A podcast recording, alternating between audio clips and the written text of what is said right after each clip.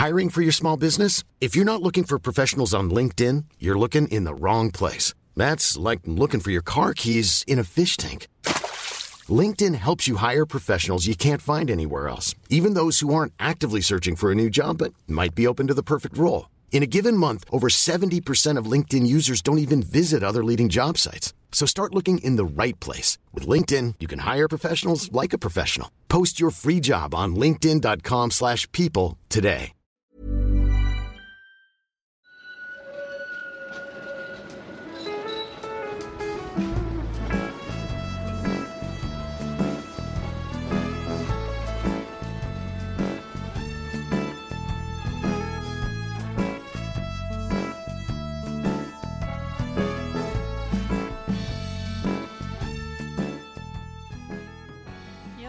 Var vi tillbaka med Gator och torg i Göteborg. Lokaltidningen Göteborg Direkts podd som vi gör tillsammans med läraren och historieexperten Mattias Axelsson som också skriver krönikor i tidningen. Ehm, ja, hur beskriver du den här podden? Jag skulle säga att det är en, den är vad den heter, gator och torg i Göteborg. Vi eh, reser runt i Göteborg och besöker olika platser och pratar om de här platserna. Kanske framförallt ur ett historiskt perspektiv, för det är ju det jag är mest intresserad av eh, som historielärare eh, och allmänt historieintresserad. Och vi har ju varit i, vid Axel Dahlströms torg, vi har varit vid Stigbergstorget och idag befinner vi oss vid Hammarkulletorget. Ja, precis. Och eh, ja, här bor omkring 8000 personer idag i ett vad jag tycker är väldigt typiskt miljonprojektområde. Eh. Mm. Mycket grå betong möts man av här på Hammarkulletorget. Håller du med? Ja, det, det man märker när man, jag kommer ju hit med spårvagnen och spårvagnen i sig är ju väldigt fascinerande för det är någonstans en, Göteborgs enda spårvagnshållplats som också är en tunnelbana. När man kommer, som jag då gjorde från centralstationen med, jag tror det var fyrans spårvagn mot Angered och går av här vid Hammarkulletorget så får man ju åka eh, rulltrappa upp till eh, torget och det är väl en av de få platser i Göteborg där man får åka rulltrappa och då är Göteborgs enda någonstans tunnelbanestation vad det gäller spårvagnen. Och när man kommer upp ur den här eh, stationen så det första man möts av det är ju de här stora massiva höghusen. Och någonstans så har ju lite grann Hammarkullen fått stå som en bild för miljonprogramsområden, förortsområden. Ska man räkna upp vilka förortsområden, miljonprogramsområden man känner till i Sverige så nej, men det är väl typ Rosengård, det är Rinkeby och det är Hammarkullen. Hammarkullen har blivit någonstans sinnebilden för svensk miljonprogramsförort. Mm. Men eh, så har det väl kanske inte alltid varit här ute? För vi Nej, ju- vi är ju i någonstans ett område som är relativt nybyggt ändå. Om man säger. Alltså Göteborg har funnits sedan 1600-talet och det här området byggdes ju på slutet på 60, början på 70-talet. Så det har stått här i, vad blir det, 60 år någonting. Vilket är en ganska liten del av Göteborgs totala historia. Och ska man backa bakåt historiskt så vill jag gå tillbaks till freden i Knäred 1613.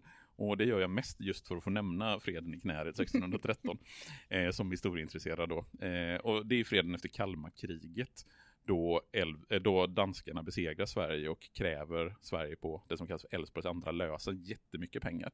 Och för att vara säker på att Sverige skulle betala de pengarna så tog man ett antal härader i pant och Vettle härad som då eh, omfattar bland annat Angered eh, och där vi befinner oss nu vid Hammarkulletorget tog danskarna i pant helt enkelt tills att Sverige hade betalat tillbaka det här jättestora skadeståndet och sen fick Sverige tillbaks Vettle härad och eh, har, det har ju sedan dess varit svenskt. Det är nog inte många som känner till den eh, storyn.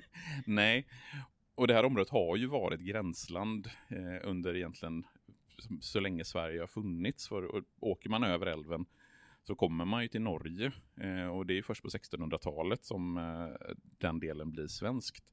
Eh, går man tillbaks till 1700-talet så ja, men det bor en 600 människor här i, eh, i det här området. Och går man sen till liksom mer in i nutid, för det är kanske det som är mest intressant eh, utifrån vårat perspektiv. Så ända in på 60-talet, jag läste en bok som heter En bok om Angered, som är gjord, jag tror den är tryckt 1966, så beskriver man det här området som en naturidyll med kuperad ter terräng och mycket vattendrag. Men då i den här boken från 1966 så beskriver man också att jordbruket kommer att försvinna eftersom Göteborg har köpt upp gårdarna. För det var ju det som hände under 60-talet, att Göteborg gick in här och började köpa mark just eftersom det som Göteborgs stad eller Göteborgs kommun behövde, det var mark att bygga bostäder och bygga industrier på.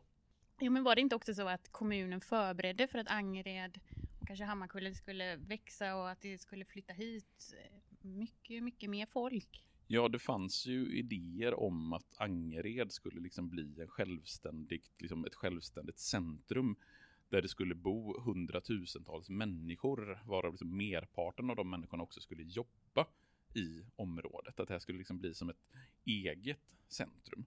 Av olika skäl så blir det ju inte på det här sättet, men det fanns ju väldigt storslagna idéer för hela Angered. Eh, för Angered är ju inte bara liksom Angered centrum, utan det är ju Hammarkullen och det är Hjällbo, det är Eriksbo och så vidare. Och, och hela det här området, liksom, det fanns väldigt, väldigt storslagna eh, ambitioner. Men just att Göteborgs stad överhuvudtaget började intressera sig för det här området, för det här tillhörde ju inte Göteborg eh, i början på 60-talet.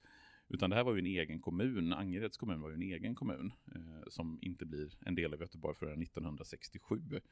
När andra världskriget tar slut 1945 så börjar ju någonstans en högkonjunktur i Sverige. Sverige har inte varit med i andra världskriget och det är ju vår stora lycka när kriget är slut. För våra fabriker står, de är inte bombade och ute i Europa så finns det liksom en jättestor efterfrågan på de produkter som vi kan producera i Sverige. Och det är då man börjar, det är då de här rekordåren någonstans börjar i Sverige. Problemet är ju att vi samtidigt har en enorm bostadsbrist, framförallt i storstäderna. Ska man liksom titta vilken som är den viktigaste politiska frågan i slutet på 40 början på 50-talet så är det bostadsbristen. Det är få bostäder, de bostäder som, är, som finns, de är små. Man brukar räkna med att mer än hälften av bostäderna i Göteborg i slutet på 40-talet är ett rum och kök och de lägenheter som finns hade också mm. väldigt, väldigt låg standard. Eh, tittar man på de områden där människor bodde, framförallt där arbetarklassen bodde, till exempel i Haga, i Nordstan och så vidare, så var det ju oerhört låg standard. Det kunde vara toalett ute på gården, man hade inte rinnande vatten, man hade ingen dusch och man bodde väldigt, väldigt trångt. Och när kriget är slut då, 1945, så börjar den här högkonjunkturen som också gör det möjligt att prova de här idéerna om rationellt byggande som har funnits sedan 1930-talet som vi pratade lite om i avsnittet om Axel Dahlströms torg. Det vill säga att man tidigare så hade man byggt ganska oplanerat och man byggde lite mer på känn.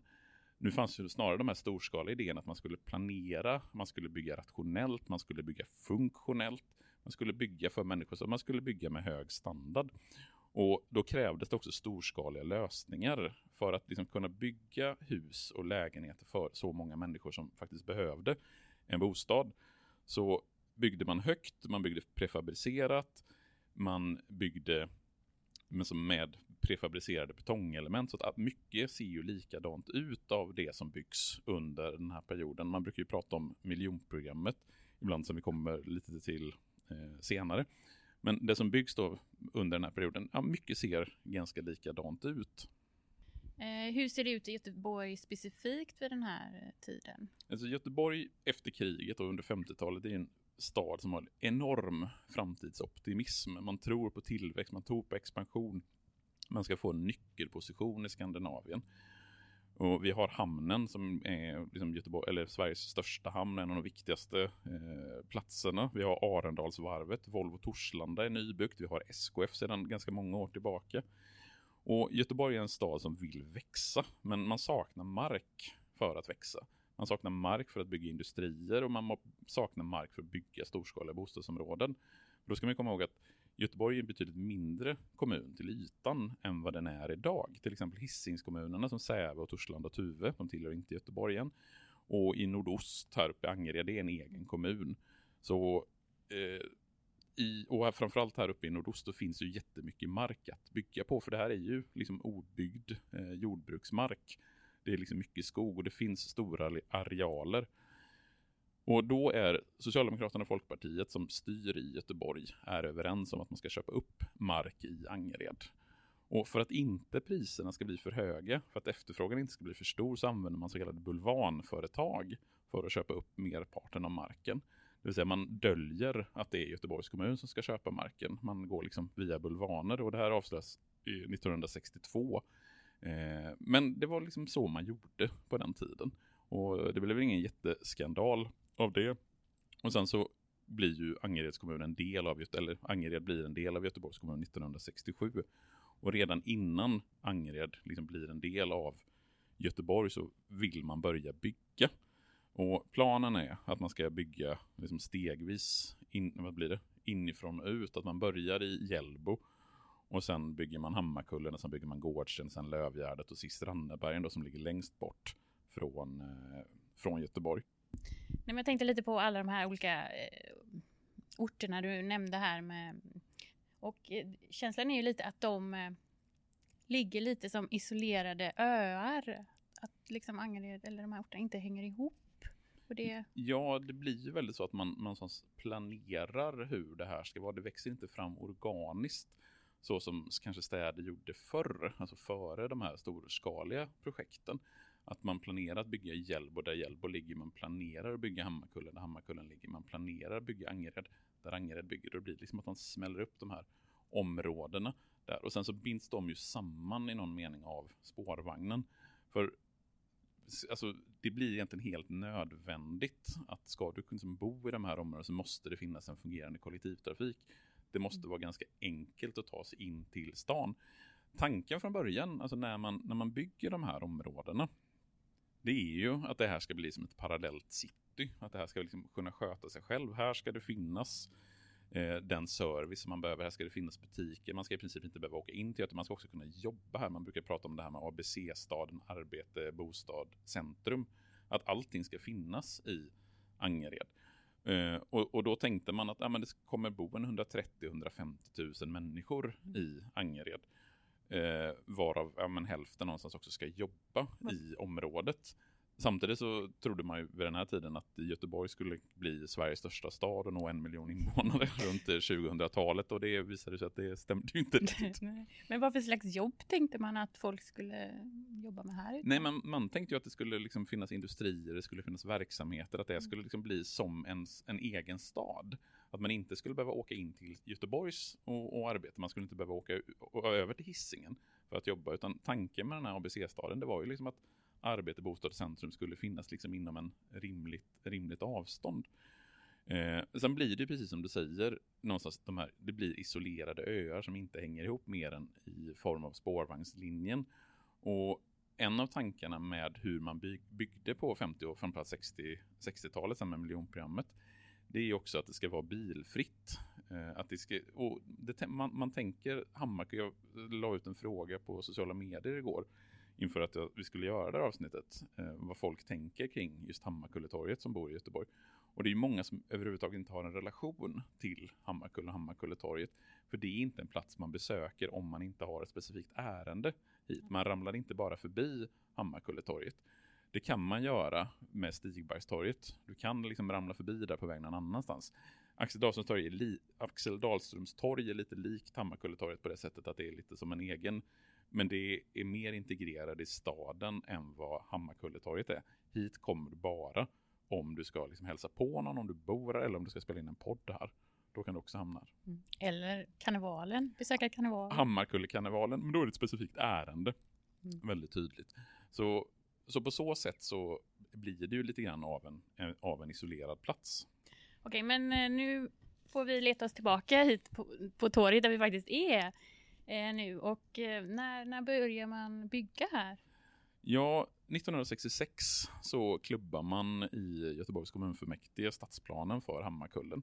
Och det här är ju det andra året under det som man kallar för miljonprogrammets period. För miljonprogrammet det var ju en liksom, statlig plan som man i riksdagen klubbade 1965 att det skulle byggas en miljon bostäder på tio år. Det skulle alltså byggas blir 100 000 bostäder per år under en tioårsperiod för att komma till rätta med den här enorma bostadsbristen. Och staten stod för pengarna och kommunerna var de som fick bygga, för kommunerna liksom fick ett eget, ganska stort eget ansvar. Och redan här 1966 när man klubbade den här planen så har pengarna lite grann börjat ta slut i de här satsningarna. Eh, så de storskaliga idéerna som man har från Göteborgs stad om att bygga det här jättecentrumet runt Angered, alltså det här parallella cityt. Det börjar redan knaka lite grann i fogarna. Men i januari 1968 så börjar man att bygga och redan 1969 så flyttar de första människorna in i Hammarkullen och 1973 så är det klart. Och då har man alltså på, vad blir det, fem år byggt det här enorma området där det då finns plats för 6-7 tusen människor. Eh, tyvärr så är ju byggandet ganska dåligt koordinerat kan man säga.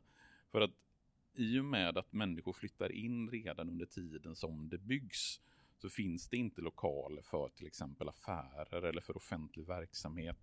Det är baracker som eh, man får gå till om man ska gå till en affär eller om man ska gå till något liknande.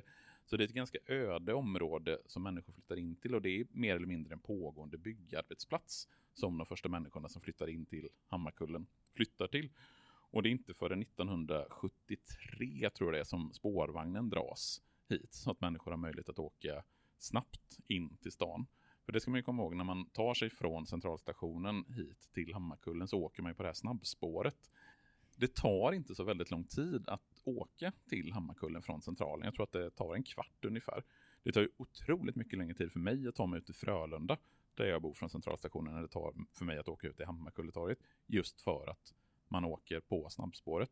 En liten rolig detalj med det spåret är för övrigt att i Hjällbo så korsar spåren varandra så är det vänstertrafik hela vägen ut till Angered. Den enda delen av Göteborgs spårvagnsnät som har vänstertrafik. Det ser man. Mm. Men vilka var det som flyttade hit då? Ja, det är framförallt arbetarklass. Det är redan från början när de första människorna flyttar hit och området byggs så är det ett tydligt arbetarklassområde. Och det är till exempel människor som flyttar från de här så kallade saneringsområdena i centrala Göteborg, alltså där man river i till exempel i Haga och i Nordstan och runt omkring där. Det är människor som flyttar från glesbygden. Eh, vi har ju en jättestor urbanisering i Sverige, alltså människor som flyttar från landsbygden in till städerna på 60 70-talet.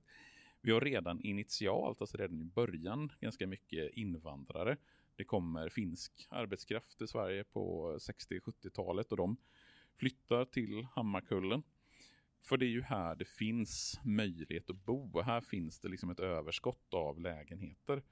Och när området beskrivs i början så beskrivs det som ganska oroligt redan liksom under de första åren. Att servicen är dåligt utbyggd, att det är stor omflyttning, att den sociala strukturen saknades. Och 1973, alltså när området är liksom färdigbyggt, så är en femtedel av lägenheterna inte uthyrda. För då har ju alla de här framtidsvisionerna som fanns i Sverige och Göteborg kraschat i och med den ekonomiska krisen, oljekrisen som kommer i början på 70-talet. Och helt plötsligt så mycket av det som byggts och av de lägenheter som byggs under miljonprogrammet, de blir inte uthyrda. Så istället för att ha en stor bostadsbrist så har vi istället ett stort överskott av lägenheter. Ja, det är då färdigbyggt 73. Vad, vad är det för slags byggnader och bebyggelse som som finns här i Hammarkullen? Det är inte så olikt hur det ser ut idag. Det är en stor byggnad som revs i slutet på 90-talet. Men i övrigt så är det ganska sig likt mot vad det är idag. Och stadsdelen domineras ju av torget. Det är hit man kommer. Kommer man med kollektivtrafiken så är det torget det första man möter. Men det som är lite lurigt är ju att söker man på Google Maps eller liknande för Hammarkulletorget så är också Hammarkulletorget en adress mm. för ett bostadsområde som ligger precis ett stenkast. Kan jag säga att jag körde dit på ja. vägen hit. Eh, för man, där först. Ja, för att det, det är ju det som är lite lurigt. Hammarkulletorget är ju dels själva torget där vi sitter och befinner oss just nu, men också en adress, eh, ett, eh, ett bostadsområde här uppe. Och på det här torget så fanns det, det fanns post och det fanns apotek och det finns bibliotek och det finns Folkets hus, det finns ett badhus som inte är öppet nu under coronatid, det finns en fritidsgård. Det finns eh, någon form av affär där borta, det finns pizzeria, det är liksom själva centrum. Det fanns betydligt mycket fler verksamheter tidigare. Det har funnits kaféer, det har funnits en grillkiosk, det har funnits klädbutik, tobaksaffär och så vidare. Eh, och liksom går, man, går man runt torget så byggnaderna eller områdena runt omkring torget ligger ju liksom geografiskt väldigt nära. Dels har vi Bredfjällsgatan i, vad ska bli det, väster härifrån, om ni tittar på en karta det är dumt att peka i en podd. Så jag säger, i väster, det är ett åttavåningshus. eller åttavåningshus, Bredfjällsgatan eh, och sen Gropens gård som ligger i norr, trevåningshus. Och de har ju varit uppe i nyheterna för inte jättelänge sedan när bostadsbolaget, eller när de lägenheterna kommunaliserades. De togs över av, eh, det var tidigare privata värdar som inte har skött underhåll och liknande speciellt bra, så då tog Göteborgs kommun över och ska där genomföra varsamma renoveringar med låga hyreshöjningar, är tanken. Och sen i eh, söder så har vi Sandeslätt som också är trevåningshus. Och det är då hyreslägenheter eh, runt om. Sen har vi ett antal radhus som man inte ska glömma bort runt Hammar. Nu lämnar vi förvisso Hammarkulletorget. Men eh, runt i Hammarkullen finns en hel del radhus i Västerslänt, Hammarkroken och, Hammars, eh, och Hammarhöjd. Och det blir ju syd, väst och öst som de områdena. Och ibland så brukar man säga att Hammarkullen har liksom en stark inre segregation. Att det liksom är ganska lite rörelse mellan de här områdena även om de ligger geografiskt nära i förhållande till varandra. Vad händer, vad händer med området efter att folk flyttar in? Och... Det som händer det är att folk inte bor här så länge. Vi har så en väldigt stor omflyttning redan i början. Det här är inte ett område som man stannar i särskilt länge. Visst, det är klart det finns familjer som har bott där i princip sedan området byggdes. Men totalt sett så är det en väldig rörlighet i området. Och redan under 70-talet så växte det fram en väldigt negativ bild av Hammarkullen. I Göteborgs-Tidningen i slutet på oktober 1976 så finns det en klassisk en svart rubrik över två sidor. Här regerar våldet, står det. Och liksom ett reportage om Hammarkullen och alla de sociala problem som finns i Hammarkullen. Och det här hänger ju ihop med att samhället förändras under 70-talet. Att vi får en försämring av den offentliga ekonomin, av eh, folks privata ekonomier.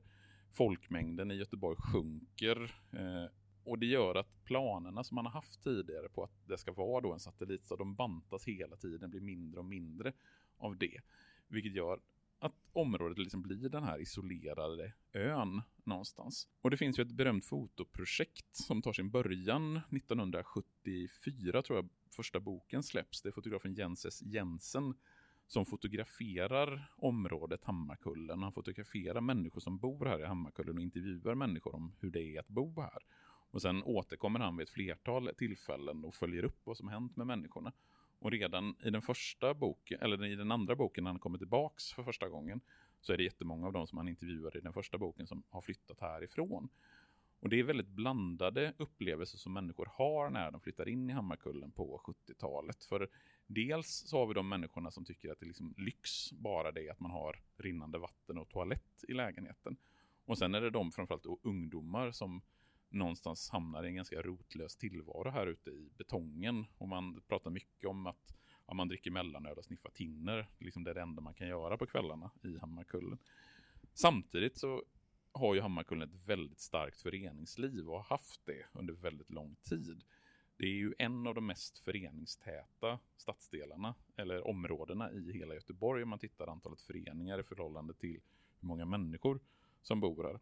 Och då är det mycket invandrarföreningar eller föreningar med rötter i andra länder. För just invandringen har ju genom årtiondena präglat Hammarkullen. Till en början så var det finnar som kom från Finland hit till, eh, till Hammarkullen under 70-talet så är det latinamerikaner, framförallt chilenare efter kuppen 1973. Och sen kommer människor från Mellanöstern under 80-talet, från Afrika, Asien, från Somalia till exempel under 90-talet. Och nu kommer inte jag exakt ihåg andelen eh, medborgare med utländsk bakgrund i Hammarkullen, men jag ut, gissar att den är ganska stor, en av de större i Göteborg. För det, man märker det väldigt tydligt att det är ett område präglat just av människor från andra kulturer. Och det är klart att det kan bidra till det rika föreningslivet som finns. Men visst finns det många fler exempel på hur Hammarkulleborna har kämpat för området? Och... Ja, det är det som är så slående som kanske liksom överraskade mig mest när jag läste på om Hammarkulletorget. Just att det är liksom en lång tradition av politisk kamp i området att redan på 70-talet så förekommer det ockupationer för att rädda fritidsgårdar. Och på 90-talet när vi liksom har nästa ekonomiska kris som slår väldigt hårt mot egentligen hela Sverige, men framförallt de utsatta områdena i, i synnerhet, så ockuperar man fritidsgården 1993, man ockuperar badhuset 1994.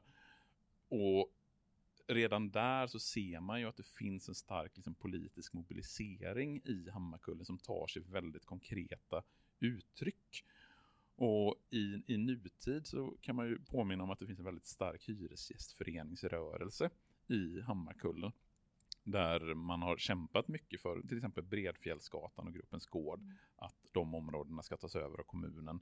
Så att människor får de renoveringar som husen behövs utan att hyrorna ska höjas så mycket så att de tvingas flytta därifrån. Så att, att det finns en stark liksom, politisk kampvilja i Hammarkullen tycker jag är slående när man tittar i det historiska materialet.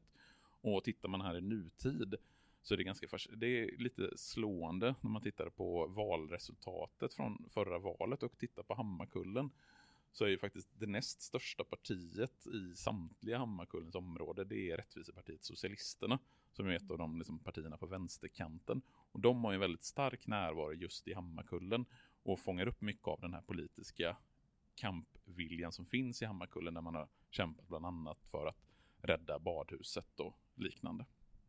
Ett annat exempel på att eh, på liksom kulturen här och det folkliga engagemanget kan man väl säga att karnevalen är. Mm. Eh, men den, den fick ju tyvärr ställa in i år och vad jag har hört så var det andra gången på 45 år som mm. de fick. Ja, det är ju liksom ett väldigt bra exempel på hur liksom, människor engagerar sig i Hammarkullen. Även om det kanske blivit liksom mer av en kommersiell grej under de senaste åren än vad det varit tidigare. Liksom att företag har liksom sett en, en möjlighet att använda Hammarkullen mm. liksom som ett, för att bygga sitt varumärke. Så är det ju ändå väldigt tydligt som exempel på den liksom underifrån organiseringen som finns väldigt tydligt i Hammarkullen. Hur människor liksom är stolta över sitt område. Och väldigt ofta så brukar man ju prata om den här Hammarkulleandan. Att det finns något väldigt specifikt just för Hammarkullen. Att här är människor engagerade, människor är engagerade i föreningar, man bryr sig om sitt område och man tycker om, man är stolta över sitt område. Och det tycker jag man märker när man tittar liksom på berättelser om Hammarkullen. Visst, man är arg och irriterad över just att det är ett utsatt område, att kommunen inte satsar några pengar, att det finns stora problem med, med eh, social utsatthet, att det finns stora problem med kriminalitet. Samtidigt så brinner man verkligen för sitt område, man brinner för Hammarkullen. Och där blir liksom Hammarkulletorget som är liksom det här avsnittets utgångspunkt, blir någonstans navet i den här berättelsen. För torgens funktion i när man bygger samhällen, när man bygger städer, så är ju torgens funktion just det här att vara samlingsplatser för människor. Att man ska kunna komma till torget och mötas och det är därför som det finns ett bibliotek. Det är därför det finns ett Folkets hus vid Hammarkulletorget. Ja, men då var vi nog klara med Hammarkulletorget och Hammarkullen. Ja, det känns som det va? Mm. Vi kan ju tipsa också om eh, tv-serien med samma namn. Eller eh, som också heter då Hammarkullen eller Vi ses i Kaliningrad av eh, Peter Birro som visades på SVT 1997 tror jag. Mm, det stämmer. Jag tror att jag såg den när jag ganska nyligen hade flyttat till Göteborg. Eller precis innan jag flyttade till Göteborg. Jag flyttade till Göteborg 98 så jag minns den serien väldigt väl. Och den finns väl på öppet arkiv om jag inte minns fel. Ja, men det ska så den kan vi verkligen tipsa om. Ja, men tack för den här gången då så hörs vi igen om två veckor. Det gör vi. Hej då. Hej då.